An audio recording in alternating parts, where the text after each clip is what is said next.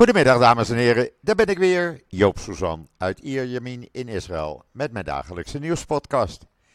Ja, ook vandaag beginnen we maar even met het weer, want ik had het gisteren al gezegd, het is voor mij onverklaarbaar. Maar met Soekot hoort het te regenen. Nou, het heeft afgelopen nacht geregend hier. En uh, ook in uh, Tel Aviv is er regen gevallen. En op uh, veel andere plekken. En ja, het is onverklaarbaar, maar het hoort bij Sukkot. Uh, en wat is het dan voor weer vandaag, Joop? Nou, het is uh, half bewolkt, een beetje zonnig. Uh, lichte kans dat we nog een regenbuitje zouden krijgen. Maar voor de rest, iedereen trekt erop uit. Of gaat naar de shoppingmall, want ja, je moet met je kinderen toch iets. of ze gaan in de soeka zitten. Nou ja, uh, het grootste gedeelte van de bevolking is deze week gewoon vrij. En ook dat hoort bij Sukkot totdat het weekend Simchat Torah, vreugde der wet, begint. Ja, en wat gebeurt er dan nog in Israël? Nou, er gebeurt van alles in Israël. Ten eerste heeft uh, gisteravond de IDF weer tien terreurverdachten gearresteerd en een uh, behoorlijke hoeveelheid wapens in beslag genomen. Kan je allemaal lezen in uh, israelnieuws.nl. Waar je ook kan lezen dat het uh, Perrencenter uh, aandacht besteedt aan de borstkankermaand. Uh, dat doen ze elk jaar. En ook dit jaar door het uitdelen van een prijs. Ook dat kan je lezen in israelnieuws.nl. Ik moet zeggen, het Perrencenter doet daar elk jaar toch behoorlijk veel aandacht aan besteden. Daar doet men niet geheimzinnig over. En dan, een Israëlisch bedrijf zou, zeggen ze, de oplossing hebben voor al die verwarrende communicatie-apps. Je hebt zoveel apps voor allerlei, uh, ja, voor WhatsApp, voor Telegram, voor Google Meet, voor Zoom, uh, voor Message, uh, nou ja, noem maar op. dat kan allemaal veel makkelijker. Dit is veel te lastig. Je gooit het in één app en je bent klaar. hoe ze dat doen, nou, dat kan je lezen in Israël Nieuws. En dan gebeurt er nog wat in politiek uh, niveau. Nou, behoorlijk vind ik. Uh, de minister uh, van Justitie, meneer Levin, en anderen in zijn omgeving zijn niet welkom bij het afscheid van de president van het Hoge Rechtshof. Ja, dat is water en vuur, die twee. Esther Ayoud zegt, ik moet niets van hem hebben. Ik wil uh, ook geen officiële afscheidsreceptie uh, nou doen. Uh, ze mogen ook geen toespraken bij andere gelegenheden houden over mijn vertrek, mijn pensionering.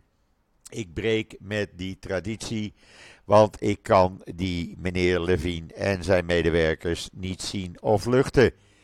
Nou, dat kwam even hard aan, want dan ben je als minister van Justitie, sta je toch mooi even in je hemd.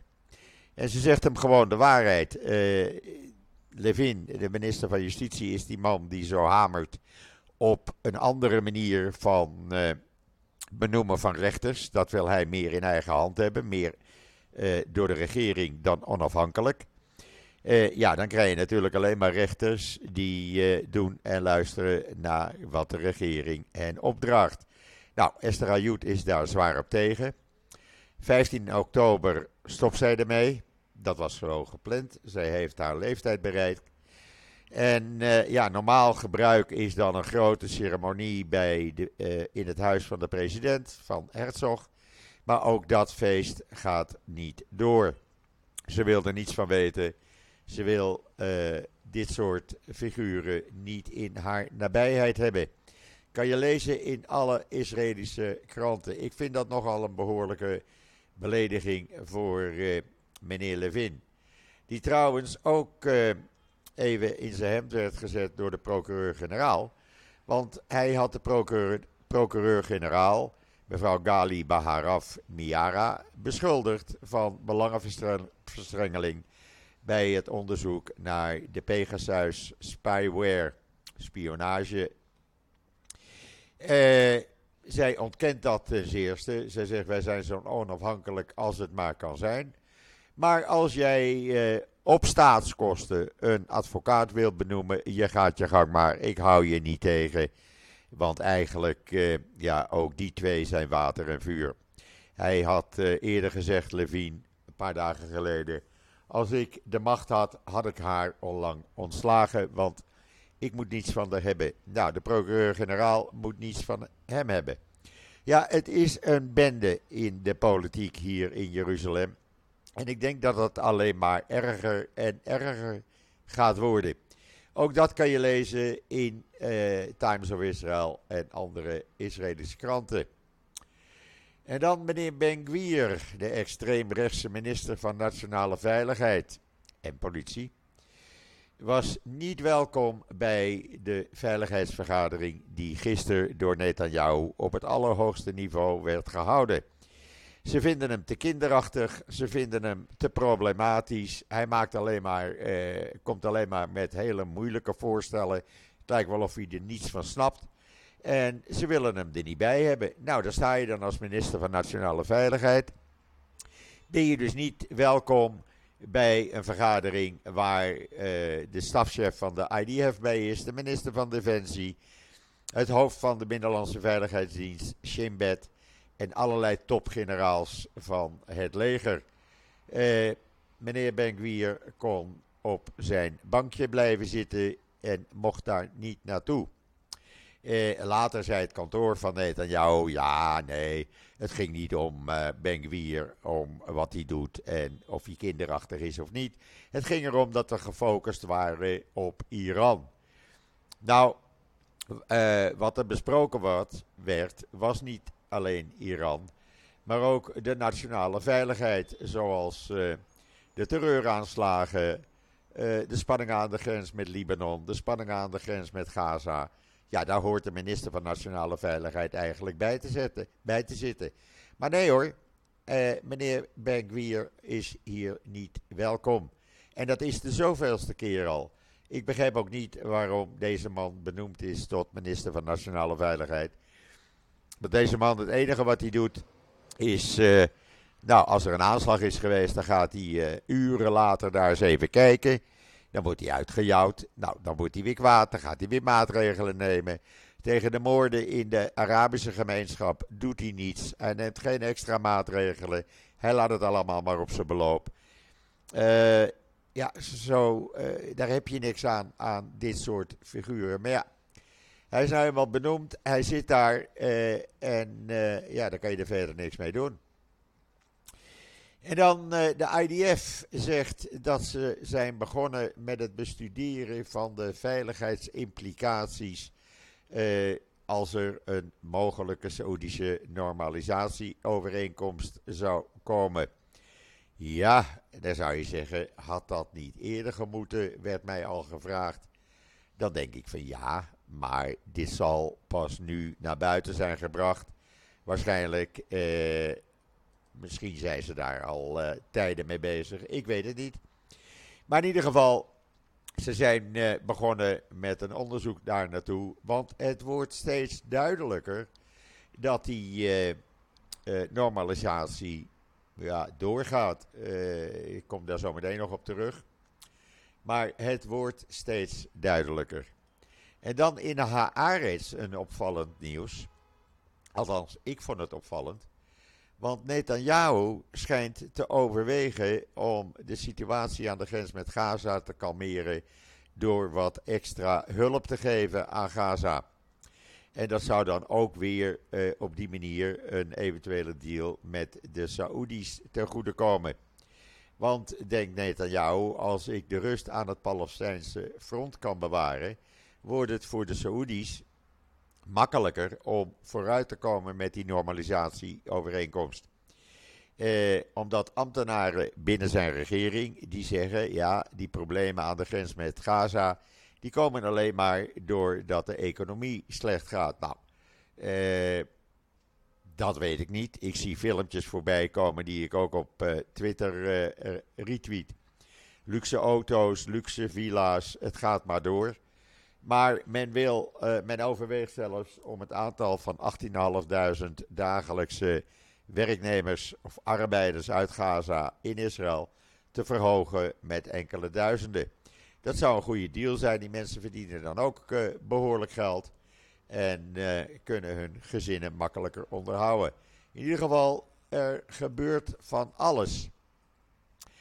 Wat er ook gebeurd is, dat uh, de regering heeft besloten, de Israëlische regering heb ik het dan over, die hebben besloten om de steun aan organisaties voor geestelijke gezondheidszorg met maar liefst 70% te verlagen. Dat uh, betreft 15 organisaties die een belangrijke rol hebben gespeeld tijdens de COVID-19-pandemie. Maar nu die pandemie van het coronavirus voorbij is en het coronavirus min of meer uh, eigenlijk net zoals het griepvirus is, zegt het ministerie van Volksgezondheid, nou dan hebben ze die steun allemaal niet meer nodig. Uh, dan kunnen ze het ook met veel minder geld af. Ja, dan kan je dat geld weer uh, verlagen en gebruiken voor ultra-orthodoxe doeleinden. Want let maar op, daar gaat het dan weer naartoe. Want zo werkt dat gewoon hier. Uh, die hebben nu de macht en uh, dat geld gaat er gewoon naartoe. Daar kan je van op aan.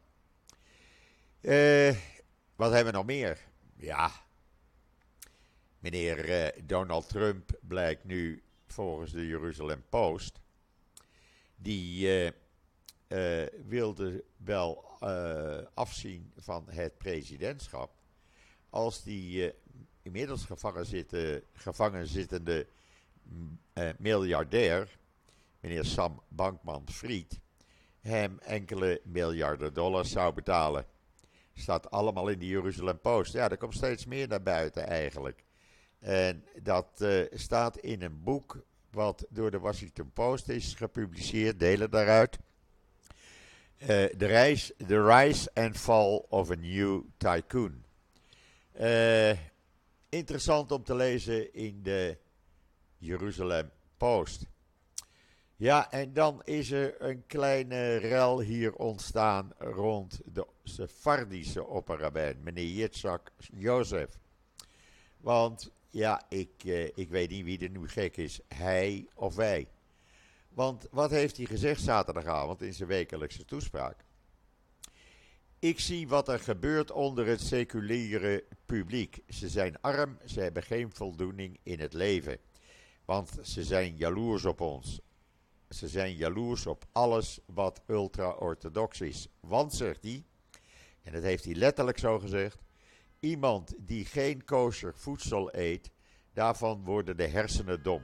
Dan begrijpt hij dingen niet meer en dan weet hij niet meer wat hij moet doen. Zodra hij kosher gaat houden, dan kunnen we hem gaan beïnvloeden om ultra-orthodox te worden. Wat zei hij nog meer? Hij zei: We moeten ze aanmoedigen, dichter bij elkaar brengen en hen weer tot bekering brengen. Uh, ik zie wat er gebeurt onder het circulaire publiek. Ze zijn gevaarlijk, omdat ze geen voldoening in het leven hebben. Alles voor de lust van deze wereld. Het is ongelooflijk maar ze moeten dichter bij elkaar worden gebracht, want Godzegen wordt gedaan door allerlei verschillende organisaties die de seculieren dichter bij elkaar brengen en hen terugbrengen in berouw. Ja, je kan het natuurlijk uh, gekker en gekker maken.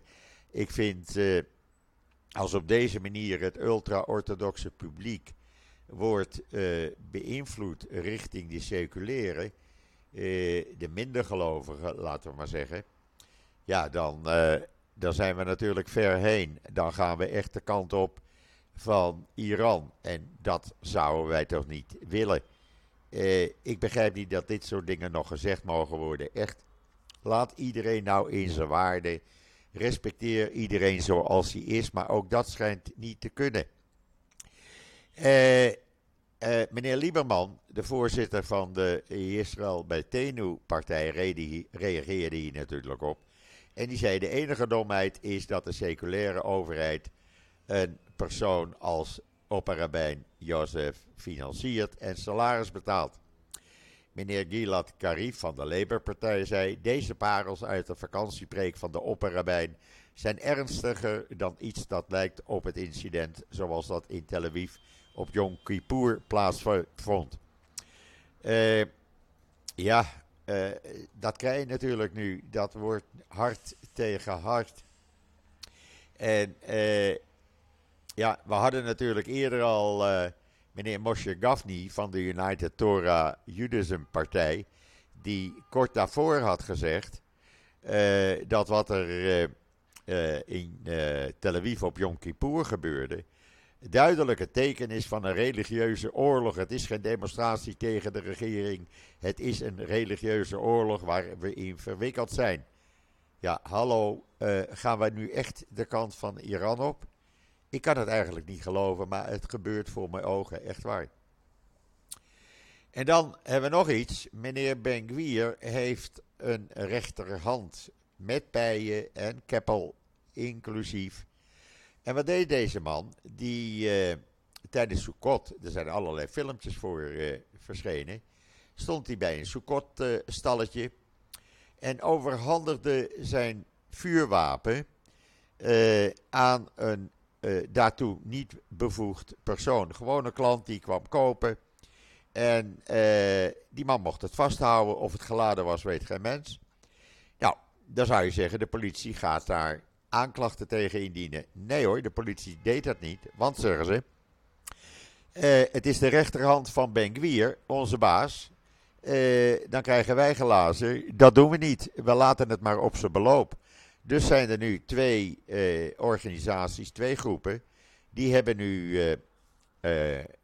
bij de officier van justitie aanklachten ingediend. Want zeggen ze, dit is crimineel, infantiel en ernstig gedrag dat een serieuze reactie vereist.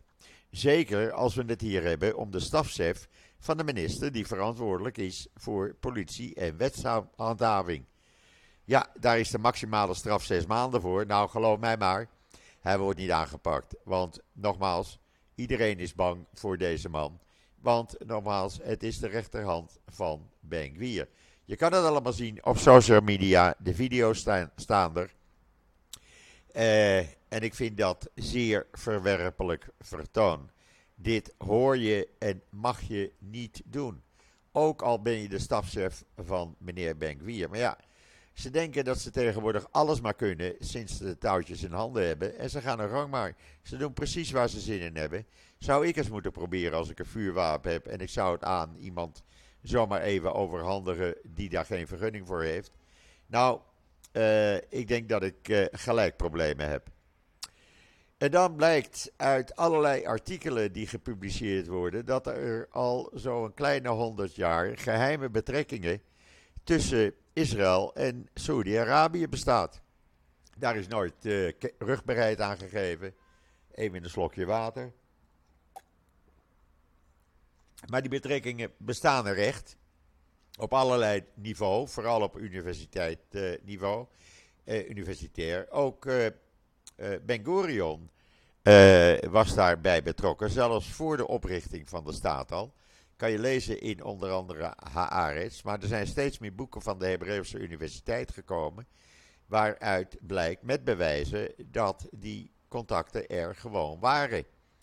En dat het helemaal niet nieuw is. Die contacten liepen tot nu aan toe. En ja, daar is dan uh, de ja, binnenkort diplomatieke banden met de Saoedi's. Uh, zal daar het resultaat uiteindelijk van zijn.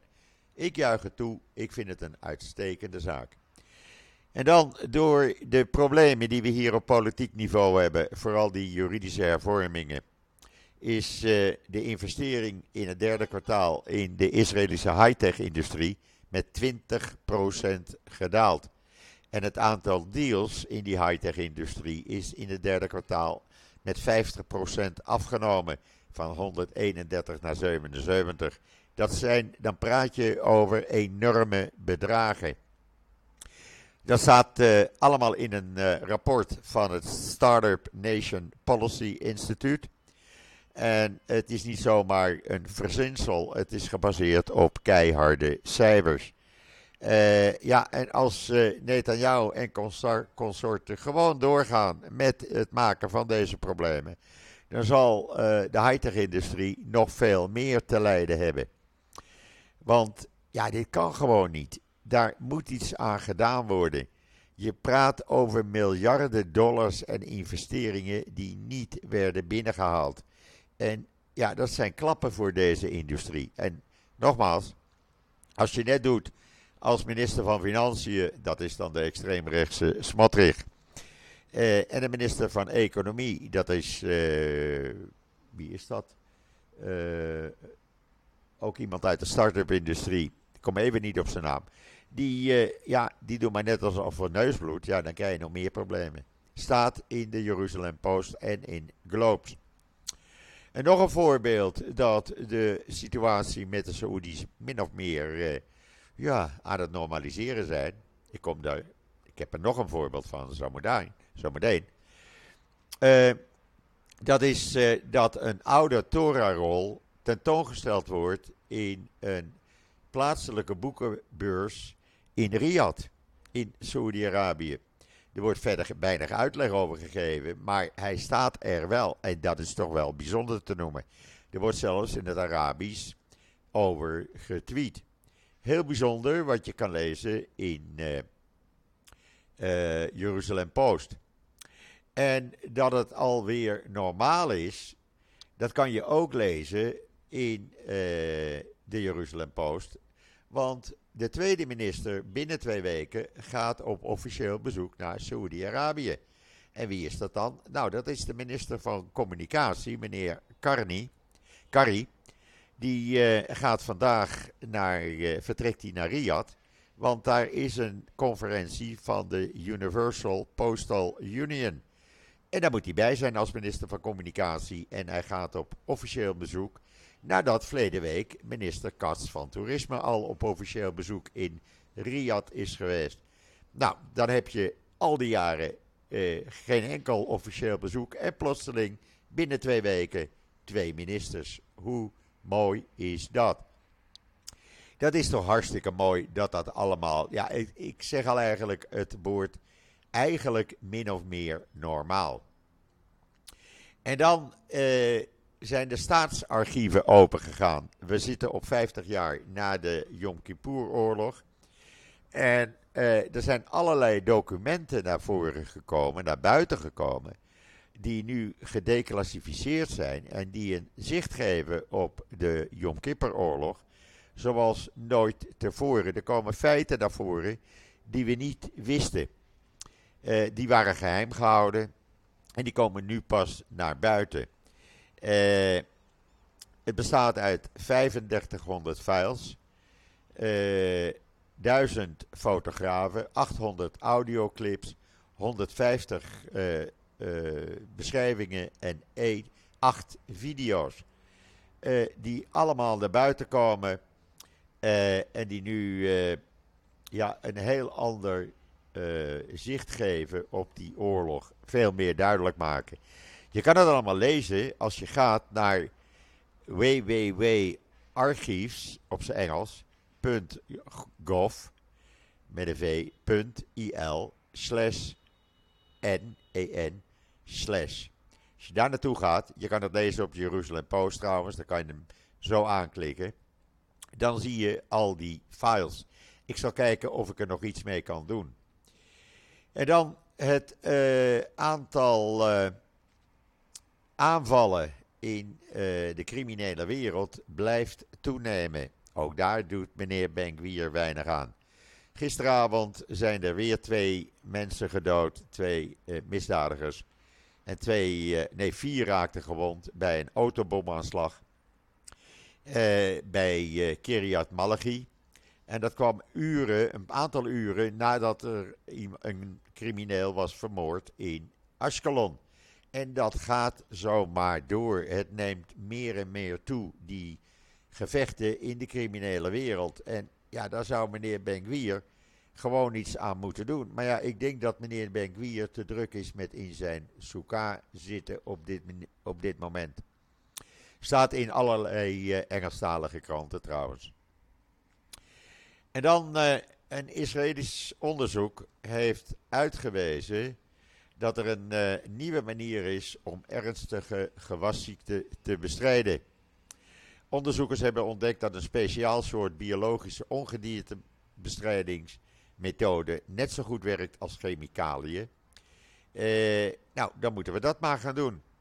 Dat is een uh, onderzoek uh, verricht door uh, professor Ovir Degani van het Migdal Galilei Research Institute en het Tel Gai Academic College. En dokter On Rabanovic van het Noordelijke Agriculturele Centrum in Migal Galilei. Eh, volgens het onderzoek hebben de resultaten aangetoond dat er een veel hogere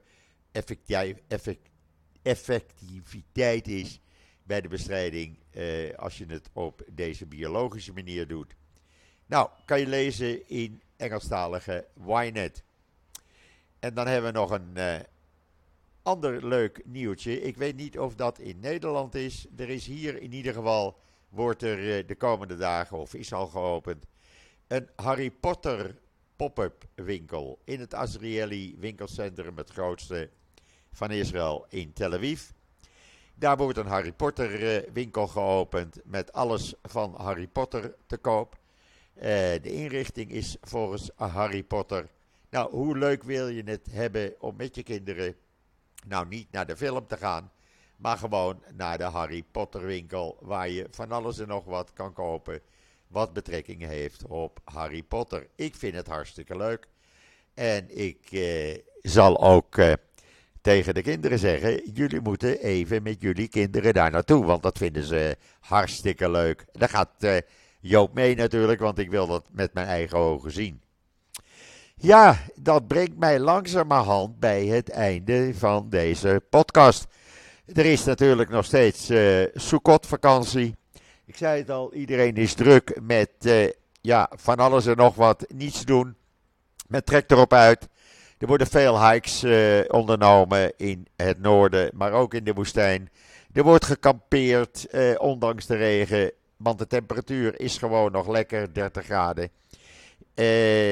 Ja, er wordt van alles en nog wat ondernomen om die kinderen bezig te houden. En zoals elk jaar zie ik ook nu weer bij mij in de mol dat er geen parkeerplaats in de wijde omgeving te krijgen is overdag. Want ja, wat uh, is nou het makkelijkste? Je gaat naar de mol, je brengt je kinderen in een van die uh, kinderparken in de mol onder. Daar kunnen ze een paar uur zoet zijn. Je koopt ze een McDonald'sje en je gaat zelf lekker winkelen. Met je vrienden en vriendinnen. En dat wordt dan ook gedaan. Dus ja, zo wordt Sukkot hier gevierd. En vanavond eten de orthodoxe mensen weer in de Sukkot. Want die moeten alles wat ze eten in de Sukkah eten. Goed, dat brengt mij tot het einde van deze podcast.